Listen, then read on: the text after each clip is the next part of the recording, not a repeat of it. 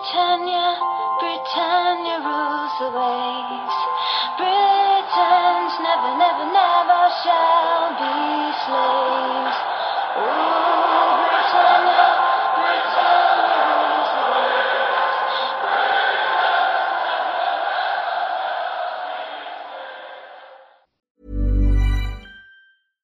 Sandra, and I'm just the professional your small business was looking for. But you didn't hire me because you didn't use LinkedIn jobs. LinkedIn has professionals you can't find anywhere else, including those who aren't actively looking for a new job but might be open to the perfect role, like me. In a given month, over 70% of LinkedIn users don't visit other leading job sites. So if you're not looking on LinkedIn, you'll miss out on great candidates like Sandra. Start hiring professionals like a professional. Post your free job on linkedin.com/people today.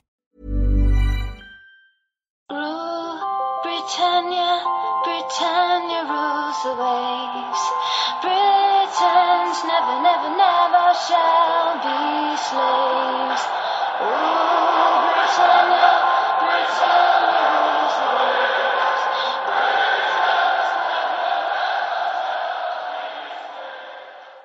Hej och välkomna till Svenska FPL-podden. Vi idag, eh, idag ska vi prata försvarare här inför säsongen 2021.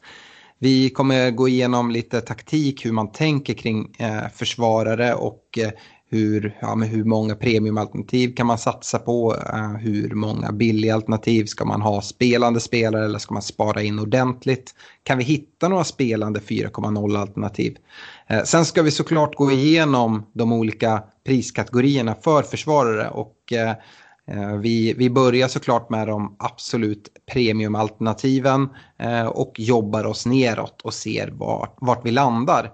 Eh, vi spelar in idag den 1 september och vi vill börja med att rikta ett stort tack till våra samarbetspartner i Olka Sportresor, i Glenn Sportsbar och Unisport Store.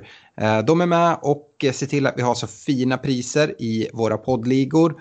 Se till att gå med i de här poddligorna med chans att vinna eh, presentkort på fotbollsresor, fotbollsresor och massa annat. Eh, presentkort på, på matchtröjor och allt, allt du kan tänka dig. Eh, gå med där, se även till att eh, dina vänner som spelar fantasy får reda på vår podd och våra poddligor. Eh, vi blir väldigt tacksamma om ni sprider det. Information om hur man går med i de här ligorna och massa annan information hittar ni på vår Facebook-sida Svenska FPL-podden. Men nu drar vi igång eh, podden gällande försvarstaktik. Och eh, Stefan, eh, hur många försvarare planerar du att spela med i, i din uppställning här till start Game Week 1? Ja, fyra eller fem skulle jag nog tippa på. Mm. Eh, och är det någonting som du planerar att hålla hela säsongen eller har det att göra med de här blanka Game Week 1-lagen? Eh, eller? Nej, det har mycket att göra med blank Game Week 1. Jag, om jag får till det så ska jag försöka sätta Greenwood på, på eh, bänken här i omgång 1 för att ha honom till senare om inte nu United går och värvar in någon högerytter. Ja, det finns eh, ganska mycket olika taktiker gällande eh, försvarare och vi kommer ju gå in på de olika prispunkterna på försvarare. Men eh, hur, hur resonerar du här? Brukar du ha, ha några premiumalternativ eller försöker du gå riktigt, riktigt billigt för att kunna investera pengarna på mittfält och, och anfall eventuellt? Nej, men jag tycker det finns jättebra värde i framförallt i Liverpool då, eh, på, på backsidan. Eh, nu, nu var väl Liverpool liksom, de hade ju lite kämpigt i början av förra säsongen med Alissons skada. Eh, och ja, de började spela lite högre backlinje och då blev Joe Gomez mer viktig med sin snabbhet där i, i deras försvar. Så att eh, jag tror att eh, liksom allt annat lika så tror jag faktiskt att Liverpool kommer att hålla några fler nollor i år än vad de gjorde i fjol. Eh, och då blir ju inte Liverpool-backarna mindre intressanta om man säger så. Nej. Ungefär hur många premiumalternativ kollar du mot att, eh, att ha i din, eh, din backlinje? Ja, men det lutar väl åt två, eh, tror jag, eventuellt tre. Eh, det beror på lite hur jag känner för. Det är framförallt Spurs som jag, eh, som jag inte kan bestämma mig om hur jag ska göra med eh, offensivt. De har fint spelschema men jag vet inte om jag litar på Mourinho och jag tycker det är svårt också med liksom Kane som inte har varit eh, med och då har Son sett bra ut. Men så såg det ut i fjol när Kane var borta och, och Son spelade striker. Så att, äh, det, jag tycker det är svårt att få ihop hur man ska tänka med Spurs. Mm.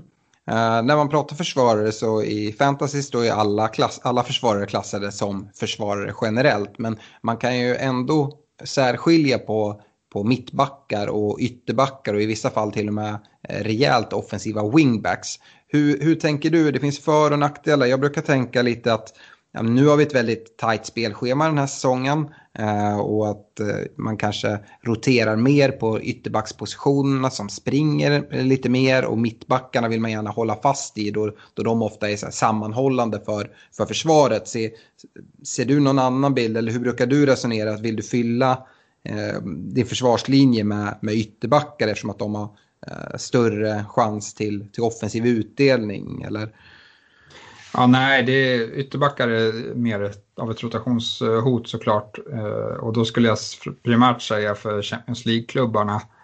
Eh, för eh, Champions League-klubbarna tenderar att inte vila några spelare när det, när det vankas Champions League medan de klubbar som spelar i Europa League de brukar kunna ställa B-laget på, på banan i gruppspelet eh, i Europa League och då blir det eh, ganska, då får man ganska fint ändå. Då behöver man inte oroa sig lika mycket för rotation i backlinjen, eh, skulle jag säga. Ja, det är, det är en evig fråga i, i fantasy-communityt om vad som är viktigast om man kollar på spelschema eh, kontra form för en spelare. Och eh, jag har en teori här att eller så som jag tänker i alla fall, när det gäller försvarare och kanske försvarare från eh, ja, men den, den nedre halvan och så, då tycker jag att det är väldigt viktigt för mig med att det finns bra spelschema. Eh, pratar man anfallare i de här lite sämre klubbarna, men visar de fin form då kan de ändå få in en boll, men nollan håller man sällan mot de här lite bättre lagen. Eh, Tycker du att man kan resonera så att man kan tänka att man vill ha täckning ifrån ett lag med som är kanske är på pappret lite sämre men som har ett fin, fint spelschema.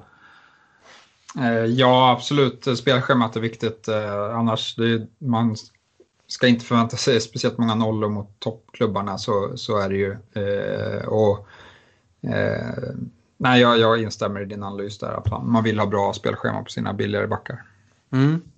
Uh, ja, men då har vi pratat lite taktik kring, kring försvarssidan. Jag, jag tänker det mest intressanta är väl att, att gå in och kolla på de olika uh, alternativen. Och, och, då börjar vi på premiumsegmentet. Och, uh, då har jag kollat på backar som kostar 6,0 eller dyrare. Och precis som du var inne på när vi pratade försvarstaktiken så det finns väl egentligen ingen bättre ställe att starta på än att kolla in i Liverpools försvarslinje där det finns Uh, Eh, tre stycken alternativ i, eh, i Liverpool som går in under det här segmentet eh, 6.0 eller dyrare. Ja, precis. Och jag gillar nog faktiskt, ja, men, om man ska Trent prismässigt över säsongen så tror jag att Trent kommer vara, vara bäst. det som talar emot honom nu här är ju att han fortfarande inte har varit med någonting på försäsongen eller spelat några matcher. Han var inte med i Community Shield bland annat, eh, utan har en, någon, någon typ av skada som han dras med så att eh, han har inte spelat några matcher än, eh, vilket eh, är negativt. Sen om man kollar på Robertson och van Dijk så tycker jag båda var, eh, liksom, såg helt okej okay ut mot Arsenal. Nu vann ju Arsenal den matchen på straffar men eh, det var ju Liverpool som förde spelet i stora delar av matchen och van Dijk såg lika beslutsamma och spelfördelande ut som, som han brukar vara, var ett hot på flertalet fasta situationer och Robertson var väldigt involverad i allt offensivt eh, spel som, som Liverpool hade. Så att jag tyckte båda de såg fina ut. Ja, och kollar man på de här tre, tre alternativen som, som vi pratar om så är de ju prissatta med en liten differens allihopa. Vi hade väl nästan förväntat oss en till och med ännu högre prislapp på Trent som nu hamnar på 7,5. Robertson Eh, kliver in på 7,0 och eh, van Dijk på 6,5. Och av dem, när vi kommer summera säsongen, så om vi inte ser massa skador och sånt så kan jag väl i alla fall gissa att van Dijk är den som kommer ha mest speltid av alla tre. Ja, precis. Eh, och här tror jag, det är därför jag, jag tror jag, liksom, jag gillar honom på grund av den faktorn att han spelar när han inte är skadad. Eh, Robertson och Trent, ja, men de skulle kunna vilas eh, nu liksom, eh, i lättare ligamatcher för att ja, men som, eh, vi har Neko Williams som är ung och lovande bakom Trent som eh, behöver minuter eh, och kommer säkert få liksom, någon match här och där i ligan. Eh, och sen har de ju värvat in, jag kommer inte ihåg vad han heter nu, men eh, de har ju värvat in en ytterback för att täcka lite för Robertson också. Så att eh, de har backup på, på de platserna nu. Ja, precis. Jag är någon grek där. Jag har inte heller namnet i huvudet nu. Men uh, där finns alternativ, det gör det. Jag tror ändå inte att vi kommer se att de spelar varannan match. Eller så här. Robertson och Trent kommer få mycket speltid. Så det oroar mig inte. Men i van Dijk, även om han är en, en, en mittback så är det ändå en spelare som har ett offensivt hot med sitt starka huvudspel och dessutom en bra bonusspelare. Ja, absolut. Eh, Arsenal, det var någon hörna där de markerade honom med fyra man, men han kom ändå till avslut på hörnan. Så att, eh, eh nej, det är han som de, allt som oftast siktar på eh, i Liverpool när, när det vankas fasta situationer. Och han kommer göra fyra, fem mål, är jag ganska övertygad om, även i år. Mm. Nu vet jag att vi har sagt att vi ska prata 6,0 men när vi ändå är här, det känns konstigt att inte prata Joe Gomez. Han är prisad 5,5. Det är ju den lite billigare vägen in i Liverpools försvar. Tycker du att det finns någon anledning att kanske tänka ah, att här kan jag ändå spara in lite pengar och få täckning i Liverpools försvar? Nej, då tror jag att man tänker lite fel för att eh, där kan man förvänta sig bara nollorna, ingenting, inga bonus, inga offensiva poäng utan Eh, som sagt, Trent och Robertson, de har gjort över 10 assist eh, de här senaste säsongerna. Eh, jag ser ingen anledning till varför de inte skulle göra det i år också. Deras offensiva spel handlar mycket på att de kommer runt på kanterna och eh, slår inlägg. Så att eh, det lär fortsätta. Eh, Van Dijk, som sagt, 5-6 eh, mål, eh, görbart, bonuspoäng, eh, absolut. Eh, nej, man ska gå på de dyrare av de, eh, de tre dyraste i Liverpools backlinje om man ska investera där. Yes, eh, det är väl egentligen en, en smaksak och vi gillar väl egentligen alla tre alternativen. Och självklart Trent lockas, lockas jag mest utav. Jag skulle tro att när vi summerar säsongen, eh, om det inte blivit massa skador som har förstört och tagit alldeles för mycket speltid så kan vi nästan förvänta oss att Trent är den försvarare i, Premier League som, som tar allra, allra mest poäng. Med, eh, han har så många sätt och han tar fasta situationer och sånt. Så, eh, eh men samtidigt ja, det är frågan vad man kan göra med de här 0,5 eller 1,0 beroende på vem, vilken man väljer i, i, i Liverpool-försvaret. Och det behöver inte vara fel att, att dubbla upp i Liverpool-försvaret heller. Eh, om vi kollar vidare utöver eh, Liverpool. Vi kan exempelvis gå till eh, den stora konkurrenten gällande eh, ligatiteln som i alla fall de flesta tror som ligger i Manchester City. Eh, så hittar vi Laporte för 6,0. Men jag vet inte hur du tänker. Ja, nu spelar de inte i, i Game Week 1 men nu pratar jag för lite längre sikt dessutom. Eh, Laporte, eh, vi har sett han göra bra scorer och en spelare som, eh, som Pep gillar. Men eh, jag kollar framförallt mot honom om man, det är någon double game week eller så. Nu har vi dessutom fått in en Nathan Ake eh, från, från Bournemouth som också är vänsterfotad mittback som skulle kunna vara ett alternativ för att rotera Laporte lite mer. Eh, eh, vi vet att Laporte haft en del problem med skador och så. Eh, tycker du att Laporte gör skäl till sin eh, prislapp på 6,0? Nej, men jag, vet, jag vill se hur Pep kommer formera den där backlinjen. För det känns ju som att Laporte och Ake liksom ska spela på, på samma position lite grann. Sen visst, det är många som har spelat med två högerfotade högerbackar i, i en fyrbackslinje. Så det går väl att spela med två vänsterfotade mittbackar också. Eh, men eh, som sagt, eh, jag vill se lite hur det ser ut. Och det, man har ju tid med det eftersom de inte spelar i, här i i Game Week 1. Sen går det ju rykten också nu om, om att Koulibaly ska in i, till City och vi får väl se eh, vad, vad, allt slutar i det här transferfönstret för, för just City. Mm.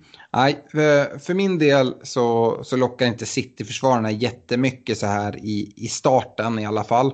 Men eh, en eh, 6,0-försvarare som lockar desto mer och har gjort det väldigt bra här de senaste säsongerna det är ju Matt Doherty i Wolves. Men numera så tillhör han eh, Tottenham.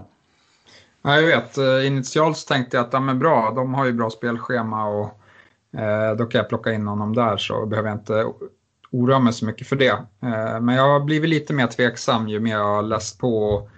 Eh, liksom, primärt så har ju Doherty gjort mycket mål för Wolves. Det är ju inte att han har liksom, slagit eh, eller gjort fantastiskt mycket assist. Eh, och det har ju ofta berott på att han har liksom, kommit in i, i boxen eh, och att de har haft en, liksom, någon som har ytterforward som har ofta varit Traoré som har tagit liksom den, den kanten när Doherty har gått in. Och jag vet inte om, om, eh, liksom, om det kommer fortsätta i Spurs, utan jag tror väl mer att han kommer få bomba på efter sin kant och, och liksom försöka göra assist mer än att göra mål kanske. Ja, och det kan bli jättebra med Doherty, men jag är lite som du. Jag är mer inne på att vänta och se. Jag var mer sugen att, att plocka in honom i, i Wolverhampton där man vet exakt vad han har för roll. Eh, Nuno ger han helt fria tyglar och som du säger, det är ofta man ser han eh, längst fram i, i Wolves och i, centralt i, i banan dessutom. Så eh, jag är tveksam om man kommer få den rollen i ett Mourinho Spurs och eh, han kommer såklart vara en offensiv ytterback. Men eh, det ställde mer till det. Jag hade hellre sett att Orie var kvar. Eh, han ser ut att lämna nu. Eh, och i så fall gå på, på Orie. Men Doherty, ah, jag, jag avvaktar och ser. Jag säger inte att det är ett dåligt val. Och jag säger heller inte att jag inte kommer ta in honom. Men jag tror inte jag kommer starta med honom i, i Game Week 1 i alla fall. Nej, det är det här spelschemat som liksom talar för det, men samtidigt osäkerheten med, som du säger, med hur han kommer användas. Men jag tror ju som sagt att det lär väl bli snarlikt att uh, Mourinho liksom drar upp så att uh, högerbacken blir väldigt offensiv och vänsterbacken faller in som en trebackslinje likt uh, som han spelade i fjol. Uh, och då är det klart att Doherty kommer få vara offensiv, det, det kan vi nog räkna med. Absolut. Eh, kollar vi på mer premiumalternativ så har vi ju Eh, två premiumalternativ i, i, eh, i Chelsea med Aspilicueta och eh, Alonso. Men Alonso, stor varningsflagg där. Nu har eh, Ben Chilwell eh, värvats in och jag kan inte tänka mig annat än att Chilwell är tilltänkt startspelare ute till vänster. Eh, och att självklart Alonso kommer säkert få speltid men Eh, aldrig att han gör skäl för sin prislapp på, på 6,0. Aspilicueta däremot vet vi, det är en back som, som hålls väldigt högt och förmodligen kommer spela en hel del. Men eh, jag vet inte, Chelsea eh, statist, statistiskt sett så har de ett ganska bra försvar, släpper inte till jättemycket. Men som vi var inne på i tidigare avsnitt när vi pratade målvakter så som det är just nu så står Kepa där. Eh, vi ser inga tendenser på att han helt plötsligt ska mm, vara en mur och inte släppa in någonting. Även om Thiago Silva har anslutit där och stärkt upp eh, Chelseas försvar så har försvaret egentligen inte varit problem. Utan problemet har varit att de inte har en målvakt som kan, kan ta några bollar. Ja, lite så har jag också sett eh, att det har varit. Och Eh, nej, jag, jag lockas inte utan någon av de där. Aspilicueta, han, han är ju lagkapten och så, men de har ju även Reece James som, eh, som såg riktigt bra ut när han fick spela i fjol och jag tror att eh, Lampard kommer fortsätta ge honom en hel del speltid också. Så att jag tror att det kommer bli rätt mycket rotation där på, på ytterbackarna i Chelsea. Mm. Vad tycker du om en spelare som Lucas Digné i Everton? Everton har ju ett eh, ganska fint spelschema och vi vet att han har en, en fin, fin vänsterfot från, från sin kant. Både på, eh, på liggande boll men även i öppet spel. Ja, jo, eh, man ska väl inte räkna bort Digné men jag tycker att eh, Everton måste bevisa sig mycket mer än, vad, än vad, vad man har sett från dem för att eh, Digné ska vara intressant. Yes. Eh, det är väl egentligen premiumsegmentet och för att summera det. När jag kollar premiumsegmentet tidigt så var jag sugen på Doherty när han var i Wolves. Inte riktigt lika sugen nu, jag avvaktar. Men Liverpool, det är där jag kollar. Om jag ska ha eh, en eller två Liverpool-backar, det är väl snarare det som är valet eh, än eh, i övrigt. Så för mig, när man pratar premiumförsvarare, då vänder jag mig till Liverpool.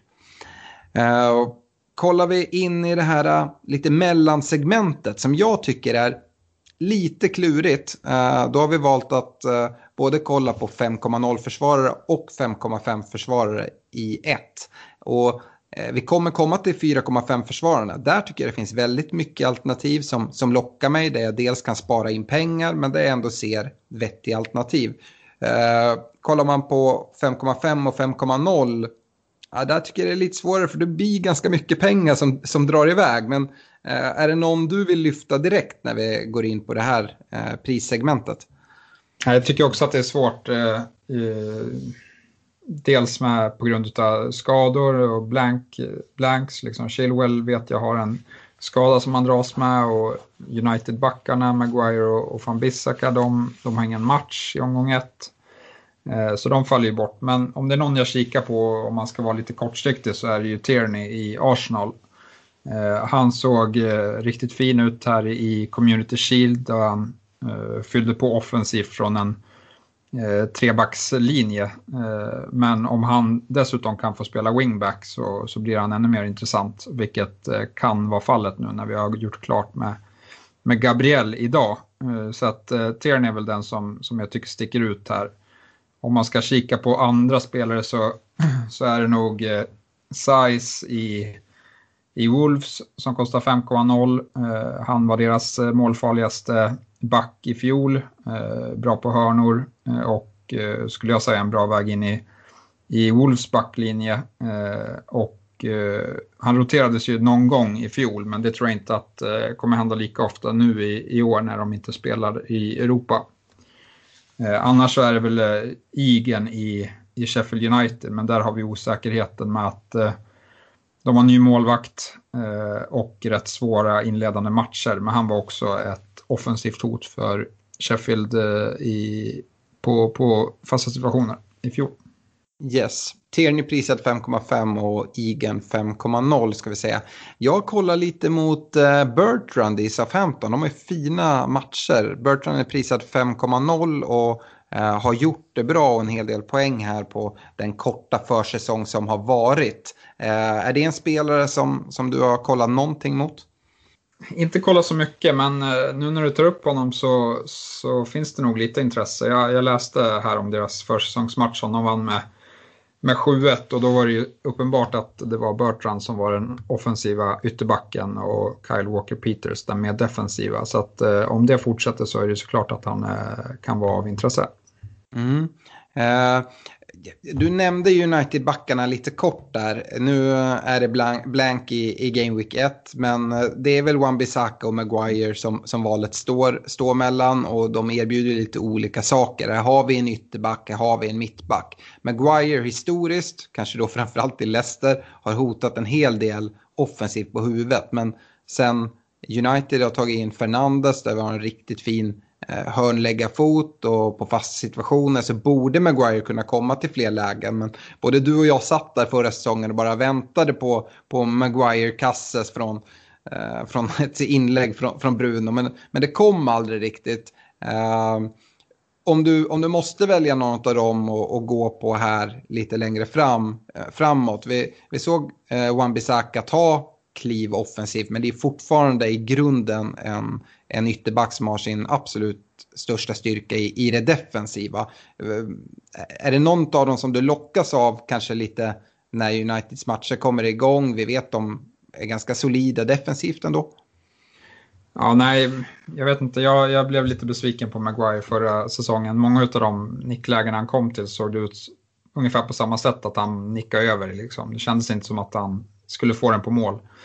Eh, så nej, jag har lite frågetecken kring hans förmåga att göra mål. Eh, men som du säger så är jag lite mer intresserad av van Bissaka då jag tyckte han såg bättre ut efter corona-lockdownen här och, och eh, United som lag höll även, jag tror att de höll 9-0 på de 14 sista omgångarna i ligan så att eh, det, var, det fanns ju såklart värde i deras eh, försvarsspel där.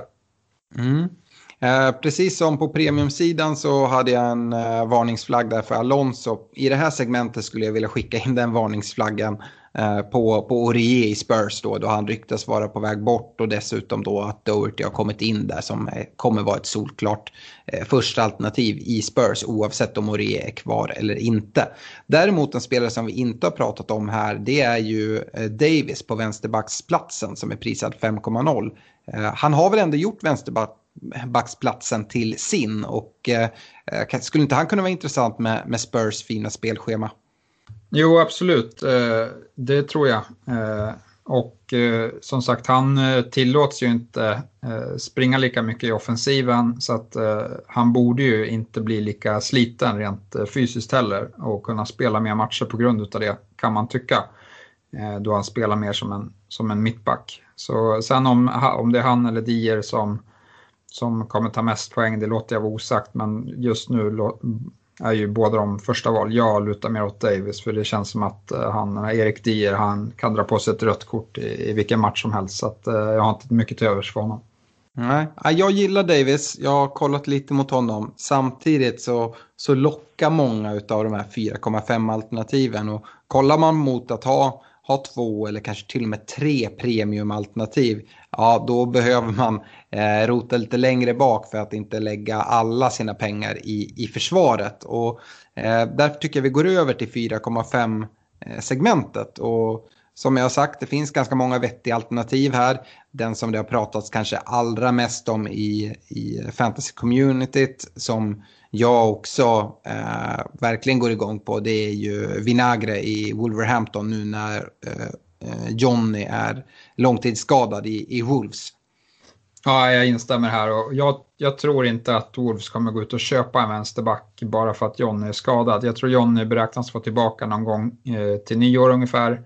Eh, men Vinagre borde ju vara, teoretiskt sett vara en fullgod ersättare. Han har spelat eh, lite grann eh, när Jonny har varit eh, skadad eller avstängd eller behövt vila tidigare. Jag tycker att han eh, inte har gjort bort sig på något sätt. Så varför inte ge honom chansen här i några månader och se om det, om det funkar eller inte.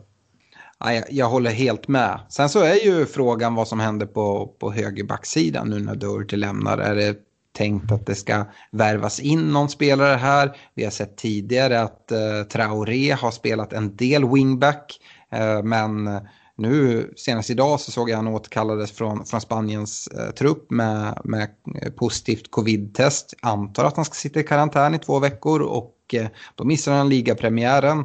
Ehm, ja, jag, jag följer eh, transferfönstret intressant eh, här kring, kring Wolves. Eh, kommer de ta in någon eller tanken att eh, Traoré ska spela wingback eller eh, finns, kan vi hitta något, något riktigt fynd här? Eh, har, har du eh, några andra tankar? Nej, jag tror att eh, vi måste avvakta och se, men såklart säljer man en spelare som Doherty så har man väl tänkt att ersätta honom, kan jag tro, då det inte riktigt har funnits någon riktig backup förutom Traoré på den platsen och som sagt eh, beroende på vilket spelsystem eh, Nuno hade tänkt använda sig av i år så, så funkade det väldigt bra med, med Traoré som, eh, som ytterforward här så att vi får väl se. Jag tror att de kommer värva in någon, någon back faktiskt. Ja, och vi har inte nämnt några andra Wolves-spelare i någon annan av de här kategorierna och det är för mig med anledning av att Vinagre finns till 4,5 och då får man täckning i, i Wolves fina defensiv för att Vinagre absolut, det är en väldigt offensiv spelare och de spelar med väldigt offensiva wingbacks. Eh, de har även bra försvarare men de är upprisade i år eh, och eh, jag gillar att kunna ha offensiva alternativ i ett annars väldigt försvarsstarkt lag.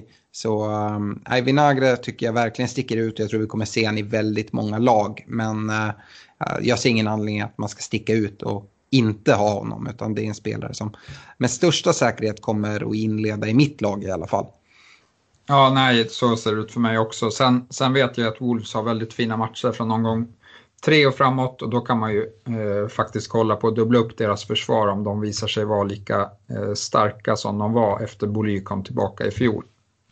Absolut. Uh, går vi vidare och kollar på andra lag än Wolverhampton så uh, är en spelare som vi fick se lite mot slutet av förra säsongen i Leicester var Justin som fick speltid när, när Chilwell var skadad. Nu är Chilwell såld, dessutom så har Leicester en del Eh, försvarsproblem här i, i början med, eh, med flera försvarare som, som saknas. Uh, tror vi att uh, Justin är en spelare som kommer få, få speltid i Leicester även denna säsong?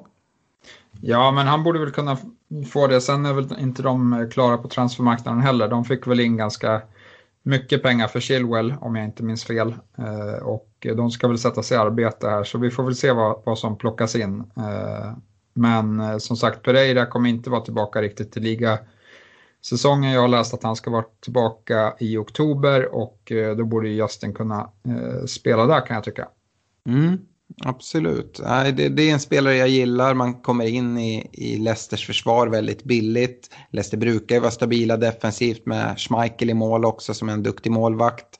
Eh, och spelschemat för Leicester ser ju faktiskt riktigt bra ut. Sen är frågan som sagt hur de ska hantera alla de här skadorna och avstängningar. Vi vet Johnny Evans missar väl första tre matcherna på grund av, av avstängning till exempel. Ehm, 4,5 vidare. Ja, ja, vi pratade lite Bertrand tidigare. Han är ju prisad 5,0 och är enligt mig ett bättre alternativ än Walker Peters. Men eh, det är som sagt hur mycket pengar man har att, lägga. Och Walker Peters är eh, ett sätt att eh, komma in och få täckning i Southamptons försvar om man nu inte sitter med eh, McCarthy i Southamptons kasse. Och 4,5 där, eh, Southamptons spelschema. Det kan också vara en spelare som kan eh, vara en möjliggörare i form av att han inte kostar så mycket men förmodligen är en tilltank tilltänkt startspelare i, i SA-15. Ja, absolut kan vara ett budgetalternativ. Uh... Uh, en spelare som det har pratats en del om men som har blank Game Week i Game Week 1 det är Taylor i Burnley. Hur, hur tänker du här? Det är ändå en ganska billig spelare som om man vill ha honom och ha täckning i, i Burnleys försvar Eh, då Burnley har ganska fint inledande spelschema så är det ändå en spelare man har råd att sätta på bänken i Game Week 1 om man nu har tillräckligt mycket spelare för att ändå kunna täcka. Är det en spelare som, som du tror på? Ja, absolut. Jag, jag tror på honom. Sen finns det väl ett litet frågetecken då, då liksom Peters fortfarande verkar vara med i matchen och göra det bra när han spelar. Eh, så att eh, inte självskrivet, men Taylor var ju före när båda var hela och friska i fjol, så att eh, det borde vara så nu också. Ja, men det är väl det här problematiken om man får ihop eh, eh, ett lag med, med Taylor på läktaren. För att eh, som min strategi är att jag ska sätta, eh, som det ser ut, Greenwood på läktaren och eh, då blir det tufft om man ska ha en till icke-spelande på, på läktaren i Game Week 1. Mm, ja, och precis som du säger där vi är inte helt säkra på, på Taylors eh, startplats heller. Hur, hur, hur starkt han har den. Uh, och, ja, det, skulle, det skulle kunna vara att uh, få dela på speltiden en del. Uh, det finns två väldigt offensiva ytterbackar i nykomlingen Leeds. Nu börjar de i och för sig med ett ganska tufft spelschema, bland annat mot, mot Liverpool i Game Week 1. Men både eh, Dallas och eh, Ailing eh, har Bielsa använt eh, i väldigt offensiva roller. inte bara som, eh, som wingbacks utan till och med i ännu mer framskjutna roller i, i vissa lägen. Eh, Leeds höll 22 hållna nollor och endast 35 mål insläppta. det var i och för sig Championship men det blir intressant att se vad, vad Leeds kan göra i, nu i Premier League. Eh, man ska säga att de blev av med deras bästa mittback från förra året eh, i Ben White som nu är tillbaka i Brighton efter sitt lån. Eh, och eh, å andra sidan har de nu värvat in en, en mittback och Kock där eh, är ju eh, en eh, tysk eh, spelare som Eh, är inblandad i landslagsdiskussionerna. Så att det, det är ju en duktig mittback som de har värvat in eh, där. Men eh, ja, jag vet inte. I Championship så, så var ju Leeds ett eh, lag likt Manchester City är i Premier League som spelade med ett enormt bollinnehav. Och frågan är om de kommer greja detta även i Premier League. Jag är lite mer tveksam till det. Och då det är en nykomling så, så kommer nog eh, kommer nog jag att avvakta. Eh, Bielsa är också en tränare som verkligen är en ideolog och eh, han, jag ser inte att han kommer backa hem med laget och försöka spela 0-0 likt Sheffield United gjorde som nykomling. Och då finns det väl ändå en viss risk för att det kan bli en del insläppta. Jag vet inte om du delar min syn här, nu blir det en väldigt lång monolog, men eh, det är en nykomling. Eh, dina tankar kring Leeds? Ja, men Leeds är väl den nykomlingen som eh, intresserar mest i alla fall. Eh, jag är mest spänd att få se dem spela. Eh, sen får vi se vad det, vad det håller till, men, men den som jag kommer hålla mest koll på är väl ändå Dallas, vänsterbacken, som som du sa, eh, även användes i, inte bara som vänsterback utan fick fylla, fylla in där det saknades folk mer offensivt i banan också. Och så startade han, jag tror han startade 45 eller 45 utav 46 matcher eller något sånt där också. Så att han var tokgiven. Mm. Uh, annars 4,5 nivån, är det några spelare som du, du tycker sticker ut som vi inte har pratat om nu? Ja, men jag tycker man ska skriva upp några på, på watchlistan i alla fall. Och det är eh, till att börja med Williams i eh, Manchester United. Eh, vad jag vet så har han inte värvat in någon vänsterback och det skulle kunna vara så att han etablerar sig före Shaw eh, i år. Jag vet inte vad du, vad du eh, har att säga om det. Eh, jag tror att Shaw fortsatt kommer vara ett första alternativ även fast Williams kommer få speltid. Eh, det skulle kunna vara så att eh, om Solskjaer väljer att spela en trebackslinje att så då tar vänster eh, platsen bland mittbackarna som man gjorde i några matcher och då att Williams spelar. Eh, jag, jag lockas inte att binda upp en av mina United-platser åt, åt Williams om jag inte ser till exempel att Eh, att, Luke Shaw skulle bli skadad. Vi vet vad han har för skadehistorik och då tycker jag att det kan finnas ett, ett bra värde i Williams. Men inte en spelare som jag tänker starta säsongen med eller inte heller till United start i Game Week 2 är det inte en spelare jag kollar mot. Det tycker jag är en lite, lite risk, riskval. Yes, men det här var för önskelistan. Mm. Eh, och sen tycker jag även att man ska skriva upp Saliba i Arsenal på, på eh, uh, watchlistan. Uh, eh, och uh, han är ju såklart intressant om han blir ordinarie, vilket jag tror han kommer bli i Arsenal på sikt. Frågan är bara hur snabbt han tillåts etablera sig här i backlinjen. Han är ju bara 19 bast, så att vi får se helt enkelt. och mycket hänger på vilket spelsystem som Arteta kommer använda sig av. Vi har ju mest använt oss av ett form av 3-5-2 eh, eller vad säger 3-4-3 eh, system eh, här med trebackslinje eh, nu förra säsongen och gjorde även så eh, i Community Shield. Eh, och Gabriel som vi värvar, han tror jag kommer gå rakt in i, i, i startelvan tillsammans med Luis och så är det en plats kvar. Nu spelade Holding där i Community Shield men jag vet inte, om Mustafi blir kvar så kommer han säkert ha den platsen eh, Eh, nu till början av säsongen i alla fall. Men det är väl den platsen där jag kikar på att Saliba kanske kan slås in på, på kort sikt. Här.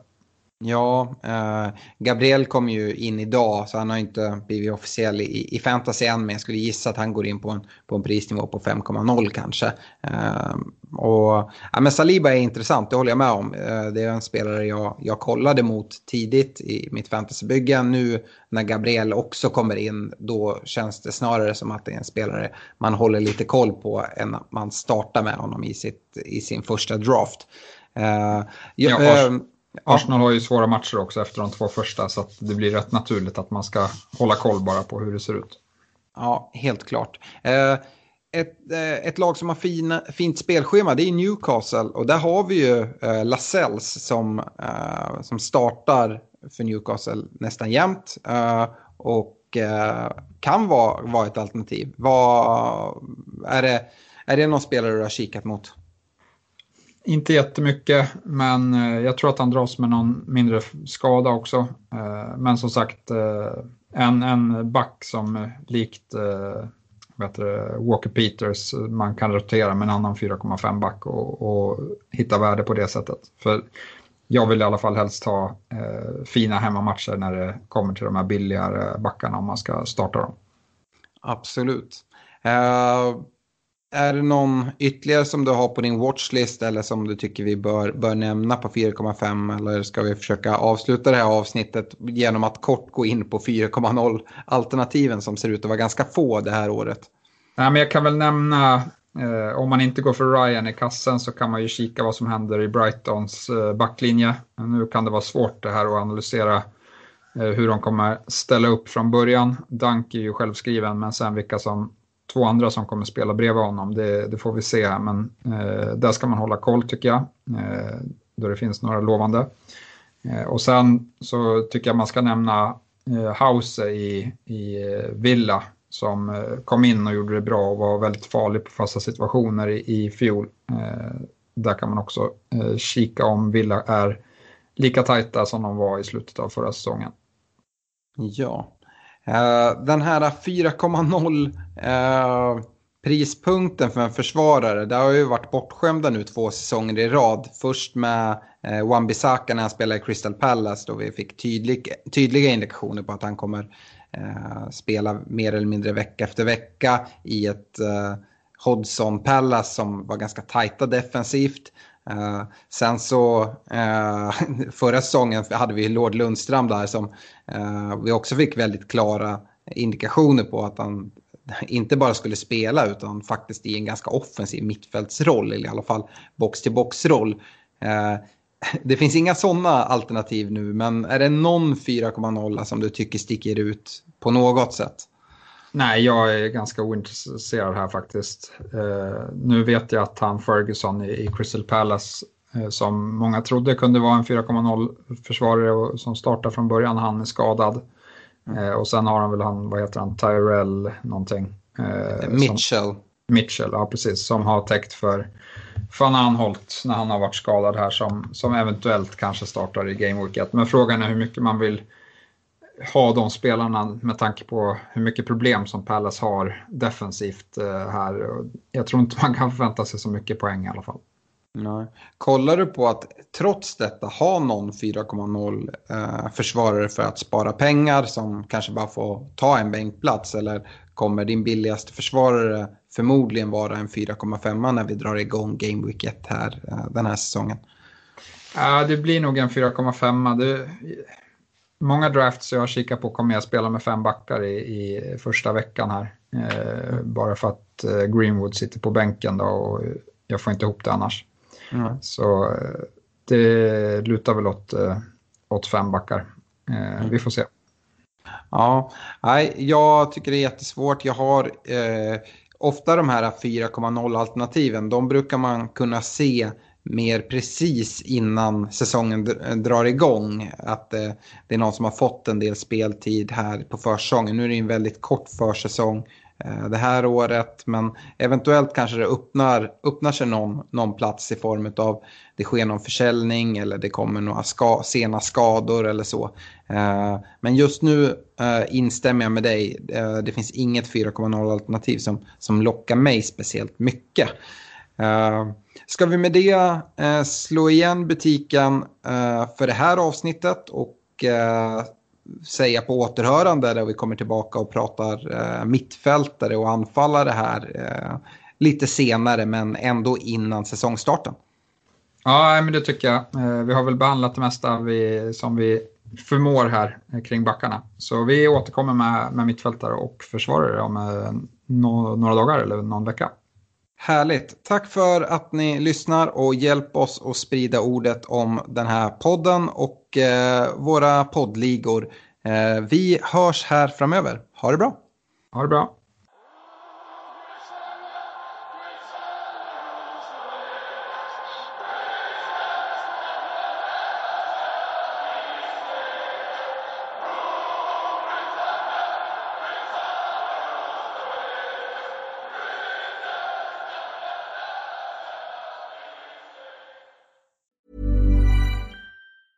alma Deserves the best, and there's no better place to shop for Mother's Day than Whole Foods Market. They're your destination for unbeatable savings, from premium gifts to show-stopping flowers and irresistible desserts. Start by saving 33% with Prime on all body care and candles. Then get a 15-stem bunch of tulips for just $9.99 each with Prime. Round out Mom's menu with festive rosé, irresistible berry chantilly cake, and more special treats. Come celebrate Mother's Day at Whole Foods Market.